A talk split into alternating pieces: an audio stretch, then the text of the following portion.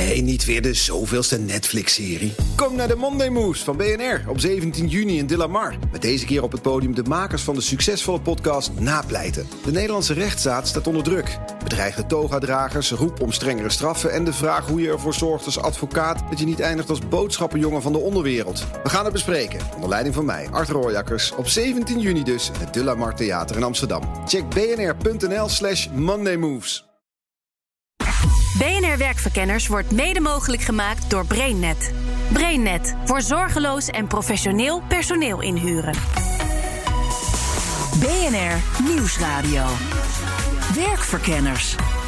Rens de Jong. Hallo allemaal, ik ben beschikbaar. Als ZZP'er of flexwerker moet je zorgen dat je in beeld komt bij opdrachtgevers. Maar ja, hoe? En is dat nu niet net nog een tandje lastiger geworden nu de hele economie plat ligt?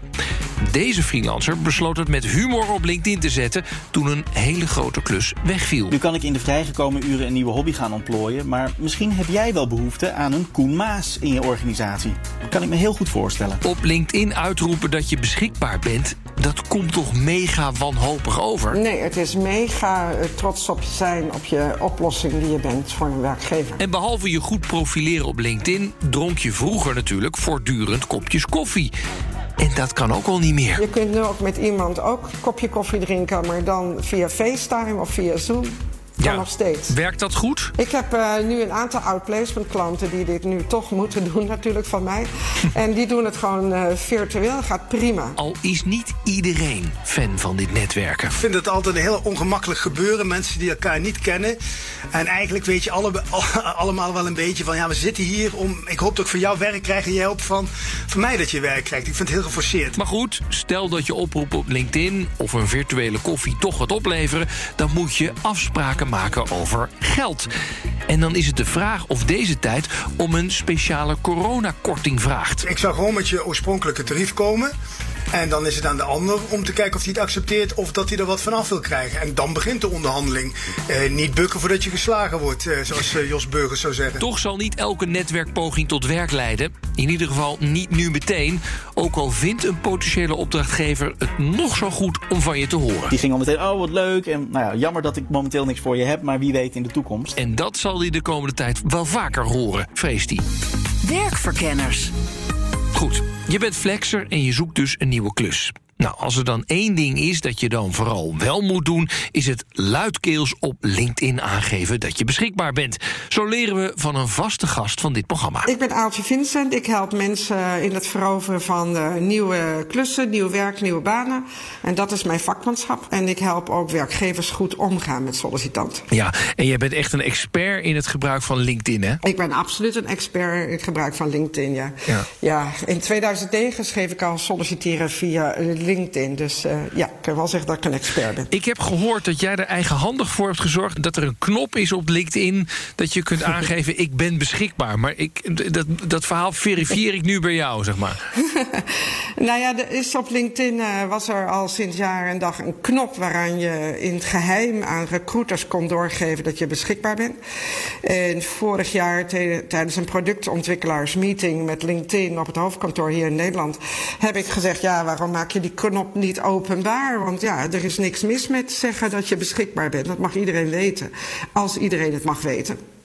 Nou ja, twee maanden daarna uh, was het zover. Dus ik kan er niet de vinger op leggen of ik echt uh, invloed heb gehad, maar ik ga er wel vanuit. Ja. ja. Hey, de, deze uitzending gaat over het feit, uh, nou ja, je, je, bent als flexwerker op zoek naar een nieuwe opdracht. en dan zet je op LinkedIn, ik ben weer beschikbaar. En soms ook nog erbij, per direct.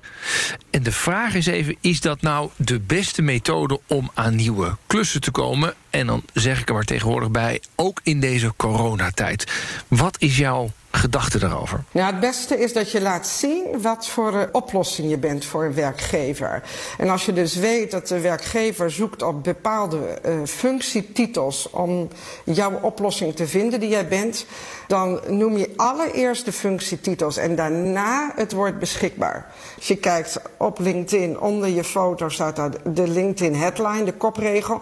Noem eerst de functietitels waarop je een oplossing bent voor een werkgever en dan aan het eind het woord beschikbaar. Hmm. En dat is, um, want ik zit even te kijken, dat zie je dan inderdaad uh, wel staan. Hè. Sommige mensen zetten het als eerste neer, ben beschikbaar. En daarna uh, kijk je daaronder. Maar jij zegt, zet er nou neer, ik ben senior marketeer... en ik weet heel veel van content marketing en ben weer ja. beschikbaar. Zo wil je het hebben eigenlijk. Ja, ja, want het draait allereerst om je vakmanschap. Ja, ja. De vraag die ik heb is... is het niet mega wanhopig als je neerzet op LinkedIn dat je beschikbaar bent? Nee, het is mega trots zijn op je vakmanschap. En waarom is het niet wanhopig dan? We leven nu in een andere wereld dan uh, bijvoorbeeld twaalf uh, jaar geleden. Toen klonk het wel wanhopig en iedereen weet nu dat de wereld zodanig in elkaar zit dat iedereen elk moment uh, weer opnieuw beschikbaar kan worden. Dus iedereen accepteert het nu ook dat je beschikbaar bent. Dus er zit niet meer een wanhopige connotatie bij. Er zit niet meer een kneuze connotatie bij. Er zit een oplossing connotatie bij. Hey, en zijn er nog andere slimme uh, manieren om het allemaal te verwoorden? Nou, de meest gebruikelijke jargon op LinkedIn is toch het woord beschikbaar. Zonder dat die aaltje ooit had gesproken, besloot mijn volgende gast precies dat te doen. Op LinkedIn van de daken schreeuwen dat hij beschikbaar was voor nieuwe klussen. Je hoorde net al een klein stukje. Hier volgt het bericht dat hij op LinkedIn plaatste. Ai, het gevreesde telefoontje is gekomen. Er is een grote klus weggevallen. Balen, want het is ook nog eens een enorm leuke groep mensen om mee te werken. Nu kan ik in de vrijgekomen uren een nieuwe hobby gaan ontplooien, maar misschien heb jij wel behoefte aan een Koen Maas in je organisatie. Kan ik me heel goed voorstellen. Andere mensen zeiden dit over Koen Maas. Koen is creatief, een goede analist en sowieso een van de leukste mensen waar ik ooit mee samengewerkt heb. Dus inhoudelijk sterk, creatief in oplossingen en uitwerking en fantastisch met tekst. Man, als ik dit zo lees, dan zou ik mezelf blind aannemen. Of op zijn minst een klus bij me neer willen leggen. Maar ja, ik heb al een Koen Maas in huis. Nu jij nog. Op anderhalve meter afstand dan. Met een blije foto van jezelf erbij. Ja, ja ik uh, moest er wel eventjes diep voor, voor gaan in deze tijd. Maar uh, hij is uitermate vrolijk. Kun je jezelf even voorstellen aan de luisteraars? Ja, mijn naam is Koen Maas. Ik uh, ben sinds uh, anderhalf jaar freelancer en, uh, en had een hele mooie klus. En die is vorige week weggevallen. Ja, wat voor klus was het? Ik werkte voor Breiwerk, Impresariaat en Management. Dat is van Claudia de Breij, een theaterimpresariaat. en daar deed ik alle online activiteiten en communicatie. Oh ja, en dat, ja, er is geen theater meer hè? Nee, daar houdt het een beetje op. Dus de, de komende weken gaat het nog door. En op een gegeven moment is het, uh, is het einde verhaal. Ja. En dus schreef jij op LinkedIn uh, een post waarin je aangaf dat je beschikbaar bent. Uh, werkt het? Nou, hij wordt een, enorm veel gedeeld en bekeken. Uh, mensen uh, noemen en mentionen ook mensen die eventueel wat aan mij zouden kunnen hebben. En ik heb nu één uitnodiging binnen voor een gesprek. Oké. Okay. Dus ja, hoopvol. Ja, en um, had je schroom om het zo neer te zetten? Nou, eerlijk gezegd niet. Ik vind namelijk dat LinkedIn daar te weinig voor wordt gebruikt. Weet je, LinkedIn wordt vaak een beetje gebruikt voor borstklopperij over kijk eens wat ik voor coole opdracht heb afgerond en uh, met wie ik allemaal heb gewerkt. Maar ja, wat mij betreft kan het ook prima een, een, een, manier zijn om je zakelijke netwerk te activeren en je beschikbaarheid gewoon aan te geven. En, en wat was je overwegingen om het zo op te stellen, zeg maar, dit, dit bericht? Nou, ook een beetje ten dele omdat het dus, ja, uh, je ziet altijd de, de, de, de, positieve kant. De negatieve kant is vaak, nou, verpakt van, ja, ik ben op zoek naar een nieuwe uitdaging ja, we leven in een andere tijd op het moment. En dit is gewoon de harde realiteit. En de, ja, dit is ook de manier waarop ik vaak mijn teksten schrijf en verpak. Ik kan wel met een komische noot of een twist naar dingen kijken op dat gebied. Koen wil dus met zijn boodschap ook meteen laten weten waar hij goed in is toch even aan de LinkedIn-expert voorleggen of hij dat helemaal goed heeft gedaan. Wat ik er ongelooflijk sterk aan vind, is dat hij zich presenteert als een geweldige oplossing. Dus dat vind ik er enorm sterk aan. En hij haalt ook de aanbevelingen van opdrachtgevers aan. Dus het is niet zo dat hij zelf zegt dat hij heel goed is, maar dat hij anderen laat zeggen hoe goed hij is. Dus dat zijn de twee aspecten die er heel goed aan zijn. Hij presenteert zichzelf als een uh, oplossing en hij laat anderen vertellen hoe goed hij is. En dat is beter dan, ik zie ook dit soort berichten voorbij komen, dat mensen echt de toon hebben van ik zoek werk, ik zoek werk, ik zoek werk. En dan leg je een probleem neer bij degene die dit leest. Ja. Dus als je dit, dit leest, dan lees je een uh, oplossing. Ja, ik, ik, zag nog wel in zijn eerste zinnetje van... oh jee, bij mij is het telefoontje ook gekomen... ik ben een, een aantal mooie opdrachtgevers kwijt. Vind je, vind je dat een, een goede opening, zeg maar? Zijn vak is dat hij uh, copywriter is. Dus hij geeft hiermee ook aan uh, een beetje een staaltje van zijn vakmanschap. En wat hij wel goed doet, is dat hij schrijft dat er een grote klus is weggevallen. En dat heeft ook wel een persoonlijke tintje. Dus ik, ik vind het in dit geval prima. Nee, niet, niet, niet meteen zielig, zeg maar. Als je zegt, nou, oh, bij mij is een klus weggevallen. Nee, nee, nee. Hij maakt er een kwinkslag van. Door ja. te zeggen, het gevreesde telefoontje. Maar als hij had geschreven... oh, nu gaat een grote opdracht niet door. Uh, wat erg, wat vreselijk. En nu zit ik met mijn handen in het haar. Wordt het een heel ander verhaal. Goed, als je dus zonder zielig te doen aangeeft... dat jij als oplossing beschikbaar bent... dan is het alleen maar goed.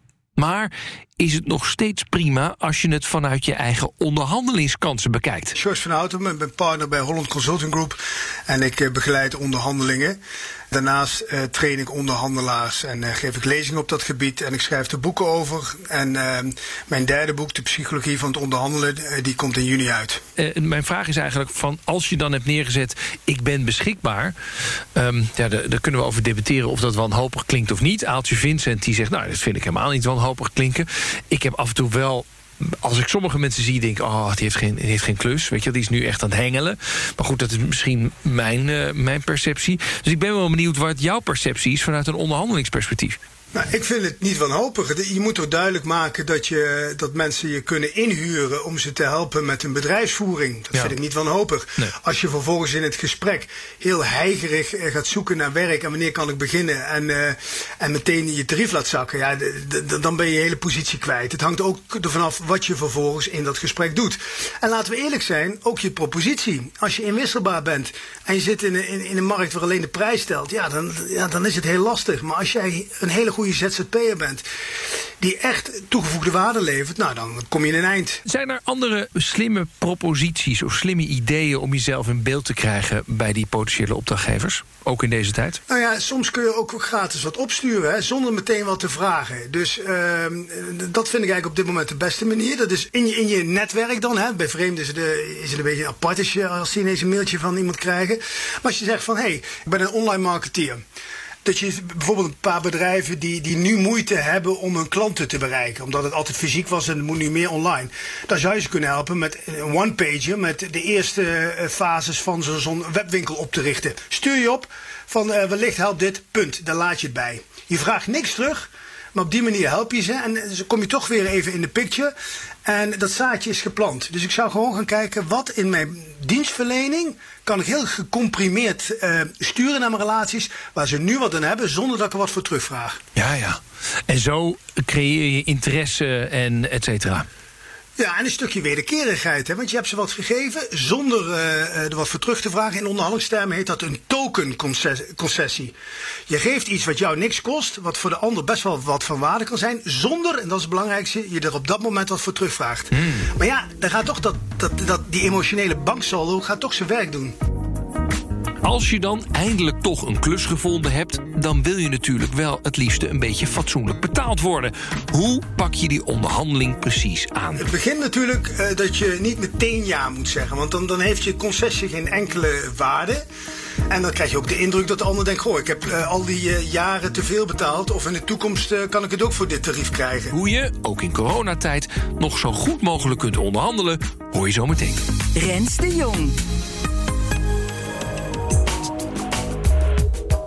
Maar eerst op zoek naar hoe je nou in het nieuwe normaal de kopjes koffie die je vroeger dronk opnieuw kunt vormgeven. Want als ik mijn gasten zo hoor, verwacht ik bijna dat de opdrachten vanzelf op me afkomen als ik maar het woord beschikbaar gebruik op de zakelijke netwerksites. Maar kun je nog meer doen om in beeld te komen bij al die potentiële opdrachtgevers? Niet alleen als ondernemer, ook als freelancer en ook als flexwerker. Het beste weg is altijd nog uh, netwerken, netwerken, netwerken. Dus het heeft naast dat je ergens op je profiel het woord beschikbaar hebt staan, ook zeer zinvol om te gaan netwerken binnen jouw vakgebied. Want kijk, de mensen die nu dat werk doen dat jij kunt uh, oplossen, of die nu een oplossing nodig hebben, die weten dit eerst dat ze een oplossing nodig hebben. Dus is het slim om met hen te gaan netwerken, zowel online op LinkedIn. Dus je kunt aan de achterkant van LinkedIn ook je connecties mailen van goh, ik ben weer beschikbaar per dan en dan. Dat netwerken. Um, hoeveel hechtte jij vroeger, pre-corona, aan kopjes koffie drinken? Oh, uh, alleen maar. Dat is de meest belangrijke weg naar de sollicitatietafel. De meest belangrijke weg naar nieuw werk, naar nieuwe klussen is door te gaan netwerken binnen je vak. En dat kon toen echt fysiek met een kopje koffie erbij. Maar het kan nu ook online. Kan je voorstellen dat mensen een beetje beeldbellen moe worden... en dan denken, oh, moet ik dit er ook nog bij gaan doen? Vroeger kreeg je nog een lekker cappuccinootje bij. Ja, maar het is nu wel wat... Er, wat uh, kijk, mensen praten nog steeds graag over hun vak. Mensen willen nog steeds graag mensen helpen. Dus uh, doe het dan op zo'n manier dat het ook aan beide kanten van het scherm... dat het informeel is. Maar het kan echt nog steeds. Ik, ja. ik zie nu dat het werkt, dus het kan. Ja. ja. Hey, en welke vragen stel je dan? Want uh, ik kan me zo voorstellen... God, ik zou met jou graag willen netwerken... want ik ben op zoek naar een nieuwe baan. Dan denk je ook bij jezelf... oh jeetje, dan moet ik weer in mijn netwerk gaan zoeken... naar een baan voor iemand die ik niet ken. Ja, dus dat is de grootste valkuil. Dat oh. je erbij zegt, ik wil met je netwerken, want ik ben op zoek naar nieuw werk. Nee, je zegt, ik wil graag met jou netwerken. Want ik zie juist dat jij nieuwe teams hebt neergezet binnen, binnen die, dat bedrijf. En ik wil ontzettend graag van jou horen hoe jij dat daar zo succesvol hebt gerealiseerd. Ben ik ontzettend benieuwd naar. En, dat is hoe je het vraagt. En dat willen mensen graag dan? Dat willen, en dat willen mensen graag. Ja. Mensen willen zich ontzettend graag gezien voelen. Mensen willen zich graag gehoord voelen. En mensen willen graag met iemand praten met wie ze iets gemeenschappelijks hebben. En in dit geval is dat dus ja, de klus die ze geklaard hebben. En koude acquisitie. Dus dat je denkt, ja, ik wil wel. Eigenlijk vind ik een heel tof bedrijf. Ik zou er graag willen werken. Of ik zou er graag een klus binnenhalen. Maar ik ken er niemand. En dan? Dan ga je op zoek naar iemand die daar wel iemand kent. Dus dan, dus, uh, dan ben je nog niet uh, bij mij nog niet klaar. Dan moet je wel kijken of je niet iemand kent die daar iemand kent. En anders kun je ook, als je, kijk, als je je daar heel vertrouwd mee voelt, dan kun je ook, maar bel altijd met iemand die het werk nu doet dat jij wilt gaan doen. Dus bel altijd met een uh, vakgenoot. Want een vakgenoot praat graag over zijn werk met een andere vakgenoot. Ook Koen is ervan doordrongen dat er een alternatief voor die kopjes koffie moet komen. Er moet uiteindelijk toch een klus binnenkomen. En ik kan niet overal aanbellen voor een kop koffie. Want die kopjes koffie die zijn er niet. Nee. En eh, trouwens, daarover gesproken, hè? hoe denk je nu over netwerken? Want inderdaad, de kopjes koffie zijn er niet. Uh, is dit het enige of ga je nog andere dingen doen? Nee, ik, ik heb ook wel gewoon wat open sollicitaties gestuurd. En uh, daar komen ook leuke reacties op binnen. Uh, het grappige is, ik had gereageerd op een bedrijf die maken uh, podcasts, maar die maken ook campagnes voor grote multinationals. En een van die mensen die kende mij ook van mijn eigen podcast. Dus die ging al meteen, oh wat leuk. En nou ja, jammer dat ik momenteel niks voor je heb, maar wie weet in de toekomst. Ja, ik denk dat dat wel een beetje de strekking gaat zijn de komende tijd op, op aanvragen misschien in de toekomst. Ja, dat kan me helemaal voorstellen. En ik kan me ook voorstellen dat je, uh, uh, dat je af en toe ook wel een soort wear down krijgt. Je denkt, jeetje, weet je wel. Je bent, dat heb ik bij mezelf af en toe. He, dan zet je jezelf weer neer van nou ja, en dan doe je het volgens de regels. Dus je geeft goede tips aan mensen. En je zet neer, joh, ik kan je helpen, en et cetera. En dan krijg je ja. dat antwoord elke keer terug van nou ja, hartstikke interessant. En nu hebben we natuurlijk niks, want het is, ja, we gaan mega bezuinigen. Maar ik denk aan ja. je. Op een gegeven moment sla je zo met je hoofd op, het, op je bureau bladje en dan denk je, wat gasten, maar ik moet nu ook iets. Ja, precies. Ja, het, ja, de enige manier wat je kan doen is door nou ja, dan, dan daar dus uit te springen en onderscheidend te zijn. Nou ja, ik hoopte dat met deze post te doen. En of dat zo is, nou ja, dat, moet, dat moet nog, uh, nog blijken. Koffietjes drinken, netwerken. Nou, je verwacht het misschien niet van een rasonderhandelaar, maar Sjors van Houten bedankt er liever voor. Ik wil altijd gezelligheid ja, en, en dan wil ik niet met werk bezig zijn. Ik, oh. ik heb ook moeite om in mijn vriendenkring, er zitten veel ondernemers, ik doe liever wat gratis voor ze, gewoon als we vrienden zijn, dan dat ik daar klussen van ga krijgen. Dus ik ben een atypisch voorbeeld. Ik weet dat het slecht is voor mijn uh, ondernemerschap, maar uh, ik, ik, krijg er heel veel in sociale zin voor terug. Ja, ja. Dus jij bent uh, geen, geen netwerker die zegt: hé, hey, zullen we eens even een kopje koffie drinken? Nee, ik zoek het langs de inhoud. Dus uh, boeken schrijven, je werk goed doen, af en toe eens op een podium staan, mond-tot-mond reclame van de begeleiding. Maar ik, ik heb een broertje dood aan die netwerkborrels. Al die nodige virtuele koffies en precies de goede woorden op LinkedIn lijkt er dan toch eindelijk een mooie klus in zicht te zijn. Tenminste, dat hoop je dan.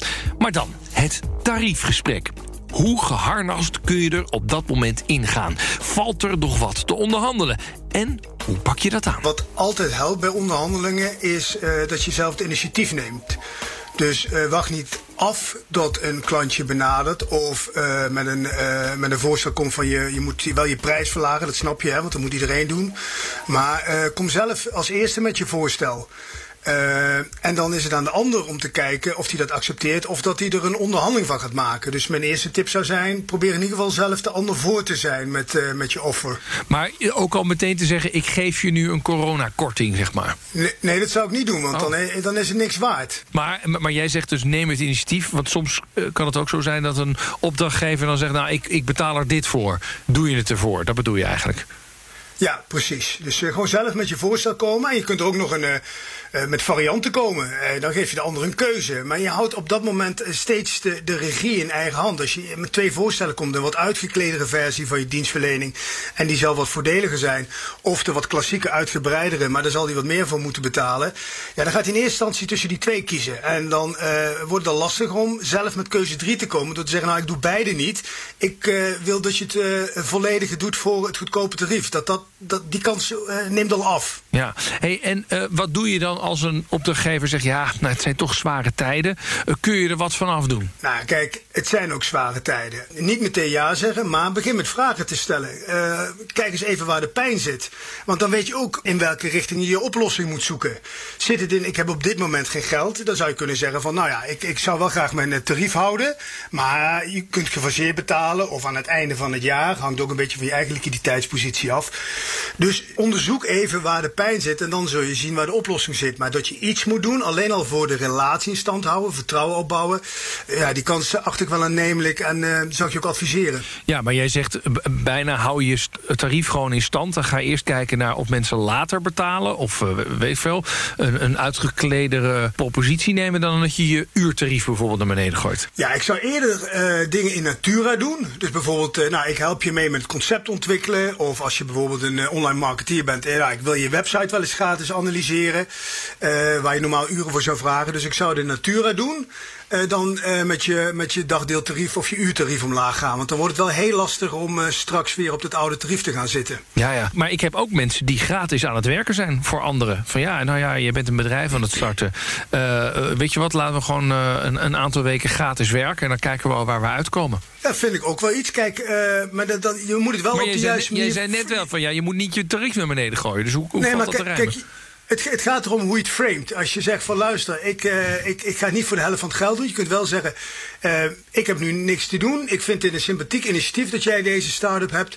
Uh, ik ga je helpen, ik hoef er niks voor te hebben. Ehm, als het goed gaat, nou, dan hoop ik wel dat je me weet te vinden in die, in die trant. Je framet het dan een beetje van, uh, nou ja, ik, uh, wat is mijn alternatief? Dat ik thuis uh, duimen zit te draaien. Ik vind jou een sympathiek bedrijf, ik help je. En nou ja, een beetje, we maken een gentleman's agreement dat op het moment dat het lekker loopt, dat, dat we dit niet vergeten zijn. Het is toch iets anders dan, ik doe mijn broek omlaag en ik doe het voor de helft van het geld. Hm. Weet je, er zijn twee manieren waarop je naar een resultaat kunt kijken. Als je gaat kijken naar, wat vroeg ik vroeger? Hè, wat, hè, dat heb ik zes weken geleden nog gevraagd. Dan zul je als je uh, een lager tarief hebt, of als je meer moet doen uh, uh, voor hetzelfde budget, dan zul je dat als verlies ervaren ten opzichte van vroeger. Maar je kunt ook op een andere manier kijken: van op dit moment heb ik niks. En als ik toch nog een paar leuke opdrachten krijg waar ik een vergoeding voor krijg, ja, is dat beter dan niks. Dus mm -hmm. het hangt ook een beetje af van het referentiepunt dat je neemt. Ja. Het heeft er een beetje te maken met uh, waar jij je happy bij voelt. En ook Aaltje Vincent is duidelijk geen voorstander van meteen op voorhand een tariefverlaging. Nee, want je bent gewoon waard wat je waard bent voor dat werk dat daar gedaan moet worden. Maar het is wel coronatijd en je hebt net, net op je cv neergezet: ik ben beschikbaar. En ik label dat toch een beetje als van, nou ja, ja nou ja, weet je wel, het is, het, is, het, is, het is nu een kopersmarkt, zou ik zeggen. Ja, het is niet meer de hoogconjunctuur van acht weken geleden. Ehm nou ja, weet je, je, je onderhandelt voor dat wat je waard bent. En je kan wel eh, zeggen, nou, ik geef iets mee in de onderhandeling. Eh, dan laat ik zien wat ik waard ben de eerste twee maanden. En daarna hebben we weer opnieuw over mijn salaris of opnieuw over mijn freelance tarief. Je kunt een beetje meebewegen, maar ga niet gratis werken en blijf achter je vakmanschap staan. En ook wat Koen betreft is een coronakorting niet aan de orde. Ik heb het niet gedaan. Ik heb onlangs nog een, eh, een, eh, een freelance klus binnengekregen. Maar ook iets kleins. En eh, toen heb ik ook gewoon mijn normale tarief gehanteerd. En dat werd eh, eh, gewoon geaccepteerd. Dus vooralsnog zie ik geen aanleiding om daarmee te, mee te, mee te rommelen. Nee. En er wordt onder andere ook gesuggereerd van nou, dan zou je eigenlijk veel meer in natura moeten werken. Eh, en, en, en wat ze daarmee bedoelen is van nou ja, weet je, zo, nou, weet je een klein dingetje krijg je er dan van mij bij. Dus eh, als je nou eh, dat, dan kan ik die folder ook nog wel even voor je doen. Of wat dan ook. Ik, ik, ik noem maar wat, geen idee. Heb je daar al over Ja. nagedacht? Nou ja, kijk, als je weet dat er meer klussen uit voort gaan vloeien, dan is het de overweging wel waard. Maar is het een one-off klus? Ja, dan moet, je, dan moet je denk ik ook gewoon wel een zakelijke houding eh, hanteren. Bij de reacties op jouw ehm, LinkedIn-post kwamen ook suggesties voor vrijwilligerswerk. Hoe reageer jij daarop? Dat vond ik ook een lastige, moet ik eerlijk zeggen. Want ja, heel concreet, ik, de tijd is er wel. Alleen eh, die tijd moet ik nu echt steken in geld. Ik moet, ik moet een hypotheek aflossen. Ja. Zonder al te zielig te klinken. Maar, en het is natuurlijk ook nu lastiger met twee kinderen die thuis zitten. Om ook nog eens dan de tijd die je zou willen besteden aan het zoeken naar, naar werk. Om dan ook nog eens wat vrijwilligerswerk ernaast te gaan doen. Beschikbaar, beschikbaar, beschikbaar. En netwerken, netwerken, netwerken. De kluszoekende freelancer en ZZP'er krijgt deze uitzending een heel duidelijk advies. En nee, beschikbaar, vul het wel na je functie in, klinkt absoluut niet wanhopig. En mocht je op dit moment even helemaal geen werk hebben, vul dan nog wel een huidige functie in. Een laatste tip van Aaltje. Dan maak je dus een gloednieuwe huidige functie aan. En dan is eh, de werkgever heet dan in between jobs. Ah, oké. Dat Ja, maar raar. dat voelt dus heel raar. Maar dat moet dus wel, anders word je niet gevonden. Nou, hou er rekening mee dat je vaak zult horen: Goh, wat leuk. Maar nee, ik heb nu niks, maar misschien in de toekomst. En heb je dan toch die hele leuke klus gevonden, maar heeft je opdrachtgever het financieel zwaar? Gooi dan niet meteen je tarief omlaag, maar kijk of je het op een andere manier kunt oplossen. Later betalen, een uitgekledere versie van de klus, maar werk in ieder geval niet gratis of bijna niet gratis. Als je vrijwel zeker weet dat het tot andere klussen leidt... of je kunt er een emotioneel banksaldo mee opbouwen... zoals George van Houten met schreef, dan mag het wel. Overal, om mooie klussen te vinden of goed te kunnen onderhandelen... moet je jezelf als oplossing presenteren. Nou, voldoende tips voor deze week. En dit was dan ook Werkverkenners voor deze week. Volgende week dan krijg je weer een verse op dinsdag om half vier. En in je podcast-app kun je hem op ieder moment terugluisteren. Veel succes met het vinden van nieuwe klussen. En tot de volgende. Dag. BNR Werkverkenners wordt mede mogelijk gemaakt door BrainNet. BrainNet voor zorgeloos en professioneel personeel inhuren. Bij BNR ben je altijd als eerste op de hoogte van het laatste nieuws. Luister dagelijks live via internet. Bas van Werven. En heel langzaam komt de zon op rond dit tijdstip. Je krijgt inzicht in de dag die komt op BNR, het Binnenhof in Nederland en de rest van de wereld. De Ochtendspits. Voor de beste start van je werkdag. Blijf scherp en mis niets.